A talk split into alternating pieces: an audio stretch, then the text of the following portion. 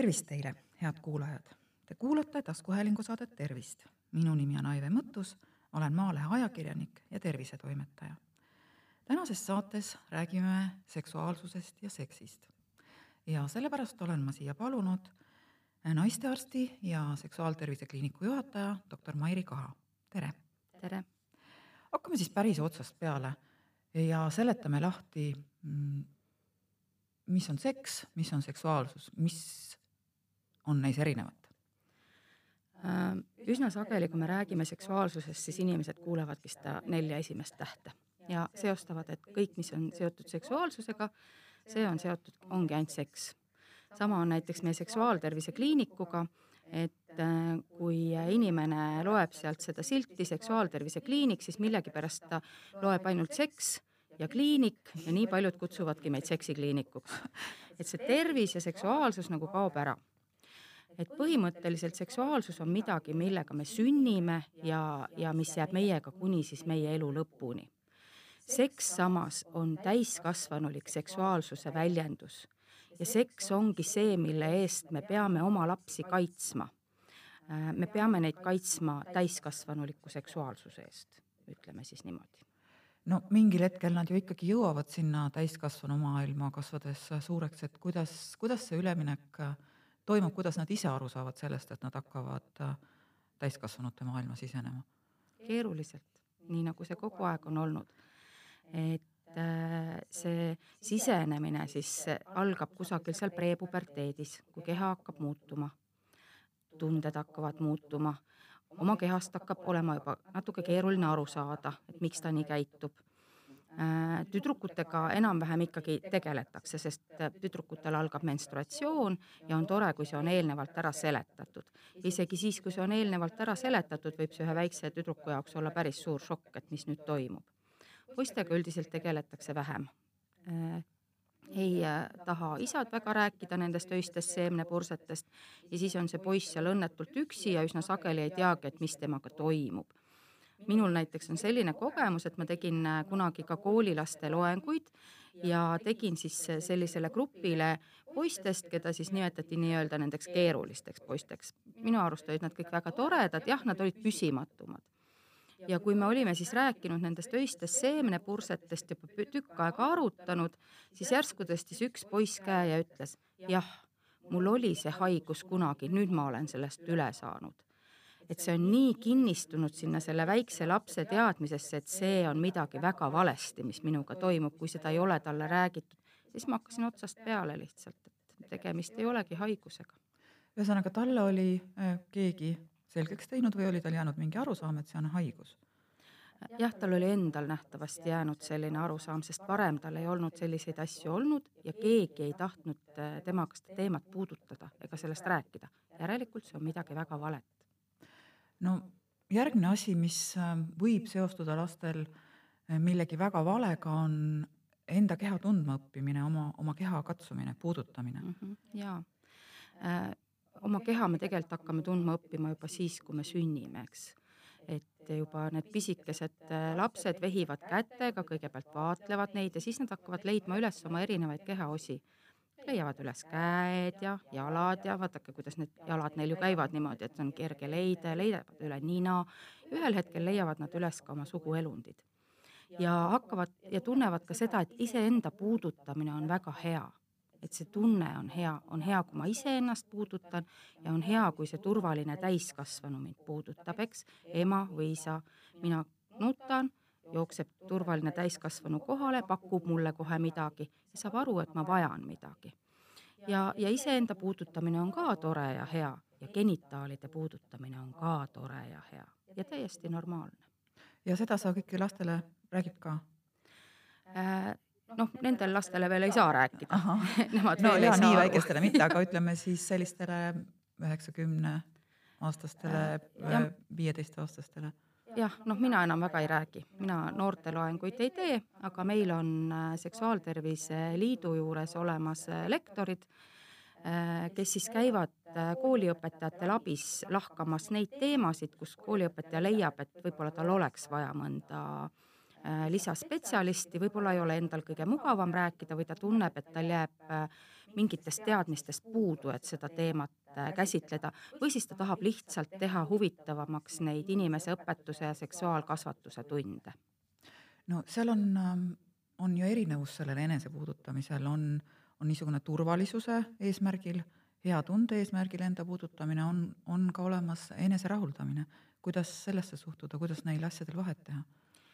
Äh, lapsed enne prepuberteeti ei rahulda ennast, see ongi see, mida, ei rahulda ennast seksuaalses mõttes. see ongi see, mis, mida sageli segi aetakse.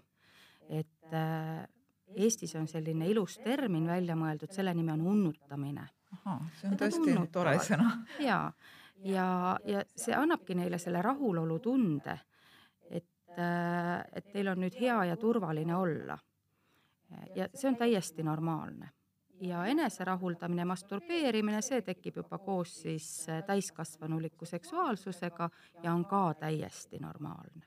ehk et laps ei pea seda häbenema, ta ei pea kuidagi halvasti tundma ennast äh, selle pärast? jah, ta peab lihtsalt teadma, et see on midagi, mida me teeme privaatselt, mitte teiste ees et vahel võivad need asjad olla natukene väikse lapse peas sassi läinud ja ta hakkab ennast unnutama äh, mingis ärevas olukorras. see ei toimu lihtsalt tavasituatsioonis, aga tema jaoks on olukord nii ärev ja ta ei leia sellele teist lahendust. ja sama on ka masturbeerimisega, et inimene peab teadma, et seda tehakse äh, privaatselt, mitte siis rahva ees. no nii, aga kust, kust laps need teadmised saab? no midagi on meile juba sisse kasvanud, et selline loomulik häbelikkus. Äh, ja kui asjad on läinud kuidagi sassi, siis on ikka täiskasvanud need, kes siis need, neid, nendest asjadest räägivad, selgitavad, mis on privaatne, missugused kehaosad on need, mida, mis on meie jaoks privaatsed, kes neid tohib puudutada, mina tohin puudutada, kes on veel see turvaline täiskasvanu, kes võib, kuidas ma pean ütlema, et mulle see ei meeldi, et mind niimoodi puudutatakse, et selline õpetus juba tegelikult peaks algama lasteaiast ja mida rohkem me oma lastele anname teadmisi, seda kaitstumad nad on ja seda paremini nad teavad, et kui keegi teeb midagi sellist, mis, mis lapsele ei meeldi, siis on tal kohe võimalus kellegi poole pöörduda, tal on olemas see turvaline täiskasvanu. ideaalses maailmas oleks see ju kodu, ema, isa, me ei ela ideaalses maailmas kahjuks. ja kui lapsel kodus toimuvad halvad asjad siis äh, väike laps, kes ei ole mitte midagi muud näinud, arvab, et sellised asjad toimuvad igal pool. et see on normaalne? jah, et see on normaalne ja see ongi see, miks me peame neile andma neid teadmisi, et nad saaksid välja öelda halbu asju siis, kui nad on veel väikesed, mitte siis, kui nad ühel hetkel teismelistena saavad aru, mis nendega nende elus toimunud on. no kuidas seksuaalkasvatus tänapäeval käib? Koolis on mingisugused keskused olemas mm. -hmm. ja koolis on kohustuslik seksuaalharidus, mis on väga hea. see on kohustuslik kõigile koolidele, ta võib võib-olla kõikuda koolide lõikes, et kus teda antakse siis rohkem ja võib-olla siis kvaliteetsemalt ja kus mitte nii ja siis on kõigil äh, kooliõpetajatel võimalus äh, alati ka pöörduda näiteks kas Eesti Seksuaaltervise Liidu poole või siis kohaliku noortenõustamiskeskuse poole, kui nad vajavad äh, mingit lisakoolitust oma lastele mingil teemal. näiteks Tallinna linn on rahastanud koolidele neid koolitusi, mida pakub siis Eesti Seksuaaltervise Liit juba aastaid ja on ka teistes omavalitsustes selliseid küll mitte nii pikaajalisi aga väikseid koostöövorme olnud, et ma, ma tean, et praegu vist on ka Tartu linnas äh, see võimalus, et koolid saavad siis tasuta enda jaoks neid äh, koolitusi. Ja, ja noh, siin Tallinnas, kus ta on käinud nii kaua juba, on nad ikka ülimalt populaarsed, et nii kui alg-, aasta algab, siis on meil tegelikult äh, kõik võimalikud ajad juba täis. Ja, ja noh, nad on võib-olla selles mõttes ka toredad, et see ei ole selline loengus istumise vorm, vaid ta on ikkagi aktiivtöö vorm. ja ma li-, olen äh, ise ka neid kunagi teinud siis, kui mm, alles me alustasime, kui koolis veel polnud seksuaalharidust, ja siis see võis kujuneda selliseks üsna ühepoolseks vestluseks. et praegu ma käisin vaatamas ühte tundi paar aastat tagasi, kus siis oli tegemist vist viienda klassi lastega, poisid-tüdrukud, ja ma olin täiesti positiivselt šokeeritud et see, mida ma kunagi nägin Rootsis, neid aktiivseid lapsi, kes küsisid, töötasid kaasa, siis nüüd on see täitsa kohe meil siin omal Eestis olemas. et äh, nende jaoks on need teemad täiesti normaalsed teemad, millest peabki rääkima, kus ma peangi omandama haridust, ma peangi teadma murdeea muutusi, ma tea, peangi poisina teadma, kuidas muutuvad tüdrukud. Et äh, see oli väga lahe ja neil oli seal selline aktiivtöö, äh, kus siis poisid joonistasid murdeea muutusi tüdrukule ja tüdrukud poistele ja siis, kui need plakatid lõpuks siis tahvli peale toodi, siis üks poiss jooksis, oota, ma unustasin kõrvarõngad oh. et no see oli niivõrd äh, meeleolukas ja tore tund, et uh -huh. lapsed nautisid ja meie nautisime. Kummad on üldiselt aktiivsemad äh, ja julgemad küsimusi küsima äh, oma, oma keha ja organismi muutuste kohta, kas poisid või tüdrukud? ma arvan, et tüdrukud on natuke julgemad, sest äh, nemad on juba aegade algusest peale harjunud, et nendega ka natuke räägitakse, eks. Äh, poisid võib-olla peavad selle oma küsimuse või kui nad üldse tulevad midagi küsima, siis see peab olema väga läbimõeldud. et nende puhul see hirm, et, et see küsimus on rumal kuidagi või et ta, et ta, et nad naerdakse välja, on võib-olla suurem Äh, samas me näeme seda, et poisid äh, aktiivsemalt küsivad äh, internetis ehk siis anonüümselt. kus seda teha saab? seda saab teha näiteks meie kodulehel www.amor.ee on küsinõu rubriik, kus siis küsimustele vastab ligi nelikümmend erinevat spetsialisti ja ükski küsimus ei jää vastuseta. ja samas on seal olemas ka korduma kippuvate küsimuste rubriik, kus siis noor võib-olla saab juba vastuse oma küsimusele, ilma et ta peaks siis äh, niimoodi individuaalselt pöörduma. Mida seal kõige rohkem küsitakse, oskad sa öelda, see on siis Seksuaaltervise Liidu kodulehekülg? jaa, äh, kõige rohkem küsitakse ikkagi rasestumisvastaste vahendite kohta, et see on see hetk, äh, kui siis noor inimene on otsustanud alustada seksuaalelu, kus tal siis tekivad küsimused ja kus ta võib-olla veel ei ole nii hästi kursis sellega, kuhu pöörduda või tal siis puudub selline otsese pöördumise julgus ja siis oma esimese kontakti näiteks ta saabki läbi selle äh, kodulehe. reeglina meie administraator vaatab, et äh, kui noor kirjutab mingist äh, Eesti piirkonnast, et siis vastaja oleks ka seotud selle piirkonnaga ja vahel ongi niimoodi, et et, et ta siis küsib oma küsimuse ära ja siis kohe helistab näiteks noortenõustamiskeskusesse, sest ta, sest ta näeb, et see inimene töötab seal ja talle tundub, et see on turvaline koht, kuhu pöörduda. räägi nendest noortenõustamis, nõustamiskeskustest ka natuke, kus nad asuvad ja, ja mis põhimõttel nad töötavad? meil on praegu kuusteist noortenõustamiskeskust üle Eesti, kus me teame, et, et see töö käib vastavalt siis meie kvaliteedistandarditele ja põhimõtteliselt siis see lähenemine peab olema noortesõbralik, paljudes maades nimetataksegi neid noortesõbralikeks keskusteks, meie seda omal ajal see nimesse ei võtnud ja tegelikult ma üldiselt arvan, et meditsiin võiks ikka olla kõigi vastu sõbralik, et ka et ei pea eriti rõhutama. rõhutama seda, et me oleme äärmiselt noortesõbralikud ja siis vanainimestega käitume halvasti. et äh, ja ja siis see lähenemine on selline integreeritud lähenemine, et kõik meie äh, spetsialistid on tegelikult saanud väga erinevaid koolitusi. Äh, psühholoogid on koolitatud rasestumisvastaste vahendite kohta ja naistearstid on koolitatud psühholoogilistel teemadel, et sellise esimesed küsimused-vastused iga keskuse töötaja peaks suutma ise ära anda ja siis äh, on meil ka erinevad spetsialistid keskustes tööl, et on naistearstid, on äh, noormeeste nõustajad, need ei pea olema meestearstid, need on kas kirurgid näiteks või nahasuguhaiguste arstid, sageli võib seda tööd teha ka ämmaemand. Äh, meil väga hästi poisid pöörduvad ämmaemanda poole, nad on juba saanud aru, et sealt, seal saab hästi ennast testida ja see on turvaline. siis on on psühholoogid ja mõnes kohas on siis ka sotsiaaltöötaja et oli ka näiteks meie kliinikus hästi kaua sotsiaaltöötaja, aga kuna neid sotsiaalseid probleeme jäi nii väheseks, et siis me kasutame sellisel puhul äh, kõrvalabi.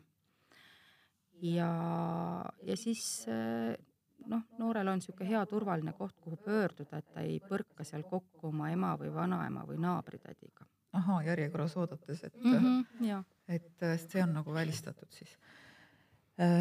Nüüd sina võtad naistearstina ka vastu ja töötadki naistearstina, et kui noor inimene tuleb sinu juurde mingisuguse tervisemurega, siis millised on need kõige sagedasemad tervisemured, mis seksuaaltervise korral esinevad või seksuaaltervise kliinikusse, millega tullakse mm? -hmm. no meile üsna sageli ei tuldagi murega. sellepärast mina õpetan ka oma noori arste ja residente, et ärge küsige, et missuguse murega, sest noored inimesed on äh, vahel väga mustvalged. ta jääbki vait, sest tal polegi muret. et mina küsin, et missuguse sooviga ja millise sooviga nad tulevad sageli? üsna sageli tulevad siis sooviga testida või siis sooviga rasestumisvastaseid vahendeid saada testida, see tähendab siis analüüse teha? ja äh, suguhaiguste teste teha. kuidas suguhaigustega üldiselt on, kas need testid annavad sageli positiivse tulemuse äh,? kui testida, siis annavad, kui teste ei võta, siis ei anna. no et, jaa, lihtne tõsiasi jah, et äh, tänu sellele, et meie testime tõsiselt palju, väga palju, siis ka näiteks kui võtta statistika, siis kuskil üks neljandik positiivsetest vastustest tuleb noortenõustamiskeskustest, mitte sellepärast, et meie juures käiksid väga haiged noored, vaid meie tõesti testime. Äh, noh, kord aastas saavad meil kõik meie patsiendid testitud neil ei ole selle vastu mitte midagi ja vahel nad tahaksid seda teha isegi liiga sageli, et siis on see jälle nõustamise küsimus, et, et millal siis ikkagi testida ja millal siis mitte testida. kui me nüüd vaatame sellist äh, kõige tõsisema haiguse ehk HIV statistikat, siis äh, kahe tuhandendate alguses kusagil äh, üle kaheksakümne protsendi esmasjuhtudest moodustasid alla kahekümne viie aastased inimesed ehk siis see kontingent, kes on noortenõustamiskeskuste patsiendid. Äh, tänaseks päevaks on statistika nii palju muutunud, et alla kahekümne protsendi on siis esmasjuhtudest noorte hulgas. kas see on teadlikkuse kasvust tingitud või millest? ma arvan küll, et meie noored teavad ikka oluliselt rohkem oma seksuaaltervisest ja oma tervisest, kui meie omal ajal teadsime nojah, see meie omal ajal tuletab mulle meelde, et mm, seal koolis, kus mina käisin, ei olnud küll mingisugust inimeseõpetust ega seksuaalkasvatusest rääkimata, oli bioloogiatund ja kõik. meil oli ka bioloogiatund, anatoomia oli seal selline eriala ja siis äh, see inimese keha lõppes seal naba kõrgusel ja siis algas jälle põlvedest ja vahepeal ei olnud mitte midagi ma isegi ei mäleta seda, kas meil nabast räägiti, päris aus olla. jah, et, et kõige naljakam, et ei olnud ka sellist, see, seedetrakt ei lõppenud ka sellise ropu asjaga nagu tualetis käimine, vaid lihtsalt seal kuskil midagi toimus ja, ja sinna see jäi. et jah, nii ta oli. meil oli küll selles mõttes võib-olla täitsa tore kool, et meile ikka aeg-ajalt mõni spetsialist kutsuti ja õpetajad kuidagi said aru, et tegelikkuses see Äh, seksuaalsus vajab ka käsitlemist, võib-olla nende mõte ei olnud niivõrd, äh, et sellise positiivse seksuaalsuse mõte, aga nad said aru, et, et menstruatsioonist peab tüdrukutele rääkima ja et kindlasti peab hoiatama suguhaiguste ja soovimatu raseduse eest. ja sellepärast mina mäletan, et äh, meil, kui ma käisin gümnaasiumis, ma arvan, see võis olla isegi lõpuklass, aeti ühel hetkel kogu siis see gümnaasiumi osa, kolm äh, klassigruppi, kolm paralleeli oli, suured klassid olid siis ju mingi kolmkümmend õpilast klassis. Ja aeti meid kõiki siis suurde saali, meil oli väga korralik suur aula ja väga hea lavaga, sest meil oli väga suur lastekoor kes pidi kõik lavale mahtuma. kes pidi lavale mahtuma ja siis pandi meid istuma sinna saali, meid sai terve saal täis äh, ja siis osade ridade otstesse pandi siis äh, istuma õpetajad. ja siis ma mäletan seda, et sinna lava peale aeti üks äh, õnnetu naistearst nagu popstaar üksinda seal lava peal ja ma tean, nähtavasti saalis oli väga palju kihinat ja kahinat ja sest äh, aeg-ajalt ikka mõni õpetaja jälle hüppas püsti ja siis vibutas sõrme, see on nagu need surikaadid tulevad sealt kuskilt mulla või liiva seest. ja ma mäletan sellest loengust ainult ühte lauset, et naistearst ütles, et vabandage, kui meesterahval on gonorrea, siis tal on kohe nagu lausa tilk tilli otsas. ja ma ei saa tegelikult aru, miks ma seda lauset mäletan. Võib-olla see oli tol hetkel kõige ootamatum avaldus sinu jaoks. võib-olla. et äh, aga tänapäeval siis on lastel tunduvalt rohkem võimalusi, praegu on vist ka üks äge teatrietendus käimas.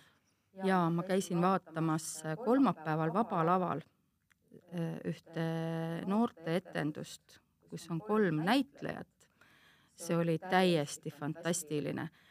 ma, me, noh, me, meie saime väga palju nalja sest see oli üles ehitatud nii hea huumoriga. Need noored ise kaifisid seda, mis nad teevad. Et see võiks olla, ma arvan, koolidel selline väga tore täiendus oma seksuaalhariduse äh, tundidele. ma loodan, et nad leitakse üles ja ma loodan, et nad ise on ka aktiivsed. on sul selle etenduse nimi ka meeles? kuidas öelda jah? ahhaa mm -hmm., noh jah, tavaliselt äh, on probleem selles, kuidas öelda ei aga veel üks teema, mis ähm, seoses seksuaalsusega päevakorda kerkib, on see sugudevaheline suhe, keda armastada, meest, naist, äh, kes sa ise oled, samasugune, ütleme siis samasooliste armastus mm. -hmm. kuidas, kuidas seda selgitada lastele? Äh, no tegelikult selles äh, seksuaalhariduses äh, käiakse üle erinevad teemad et seal algab kõik sellisest sõprusest, mis on lähedustunne, mis on armastus, äh, mis on soorollid, missugused on soorollid, seks- ja samas ka seksuaalne identiteet. ehk siis äh, meie noortel võiks olla juba selline turvaline tunne ees, et äh, nad võivad armastada täpselt seda inimest, keda nad ise soovivad armastada. ja see võib olla vastastikune ja ma väga loodan, et äh, meie noored on avatumad ja sallivamad, kui ma näen selliste omavanuste äh, kontingendi hulgas. no minu kogemus on küll äh, väga tore selles mõttes, et see oli minu vennapojaga, kes oli tol ajal umbes kümneaastane, vast neli-viis aastat tagasi, kui oli siis ähm, kooseluseaduse arutelu ja siis me sattusime vaatama koos ühte teledebatti. esimese hooga mina olin niisugune üsna ehmatanud ja mõtlesin, et issand jumal, et mis ma nüüd siis temaga, et vaatangi sellist saadet või ja mis ma temaga räägin sellest. aga pärast äh, selgus, et ja selle saate ajal juba, et ta on väga avatud, see ei olnud tema jaoks mingi uudis, et inimene võib armastada äh, siis enda soost inimest, samasoolist inimest ja meil tekkis pärast väga äh, tõhus ja niisugune hästi-hästi tore diskussioon teemal kas ühes peres võib olla kaks isa? ja lõpuks me jõudsime ühisele järeldusele, et äh, jah, et ikka võib, et miks mitte, sest äh, noh, üks näide oli meil selle kinnituseks see, et parem on ju kasvada kahe isaga peres kui lastekodus. jah, sest tegelikult ju lapsel on vaja neid äh, täiskasvanuid, armastavaid täiskasvanuid, tingimusteta armastust ja me ju üsna sageli elus näeme, et ka need bioloogilised vanemad ei suuda oma lapsele anda seda tingimusteta armastust. et ikka on sealjuures mingi tingimus, näiteks et kui sa oled nüüd äh, piisavalt kõhn, siis ma armastan sind rohkem.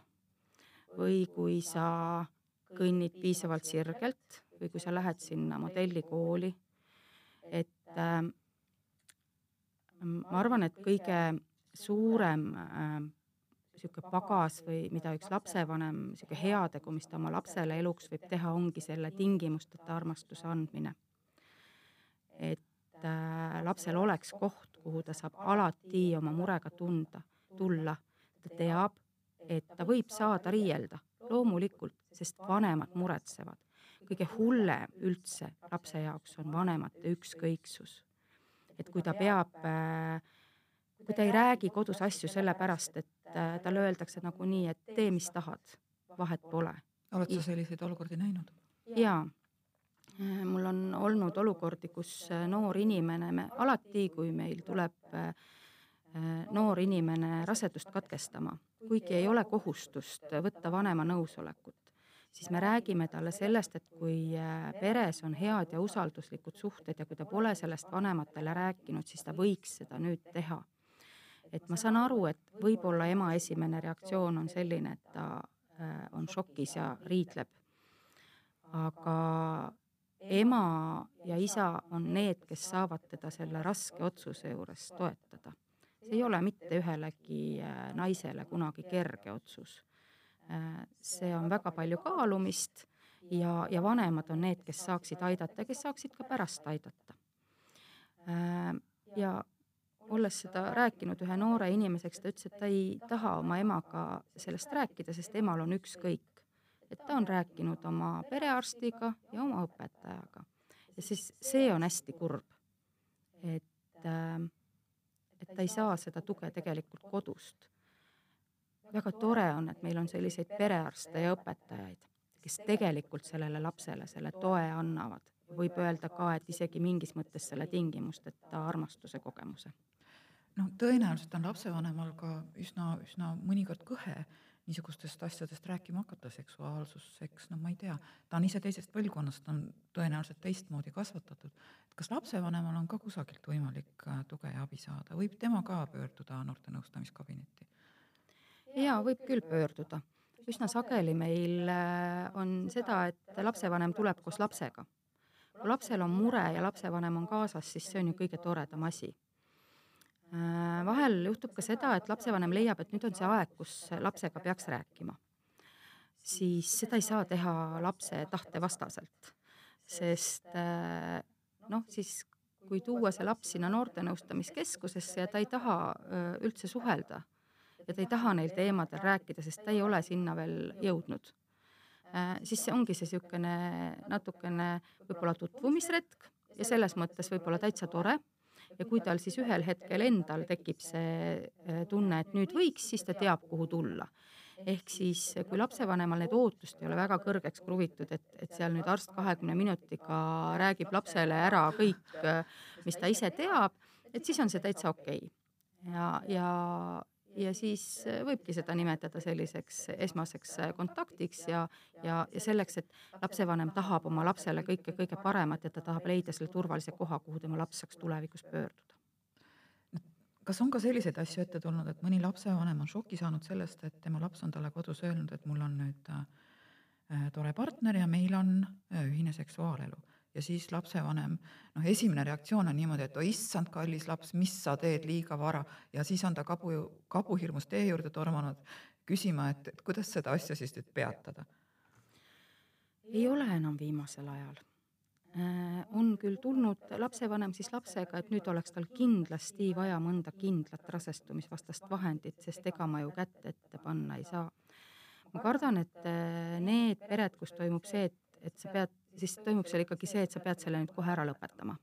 siis ta la- ja see, seda last ei tooda mitte kusagile. No, lihtsalt antakse käsk kätte. jah, käsk antakse kätte.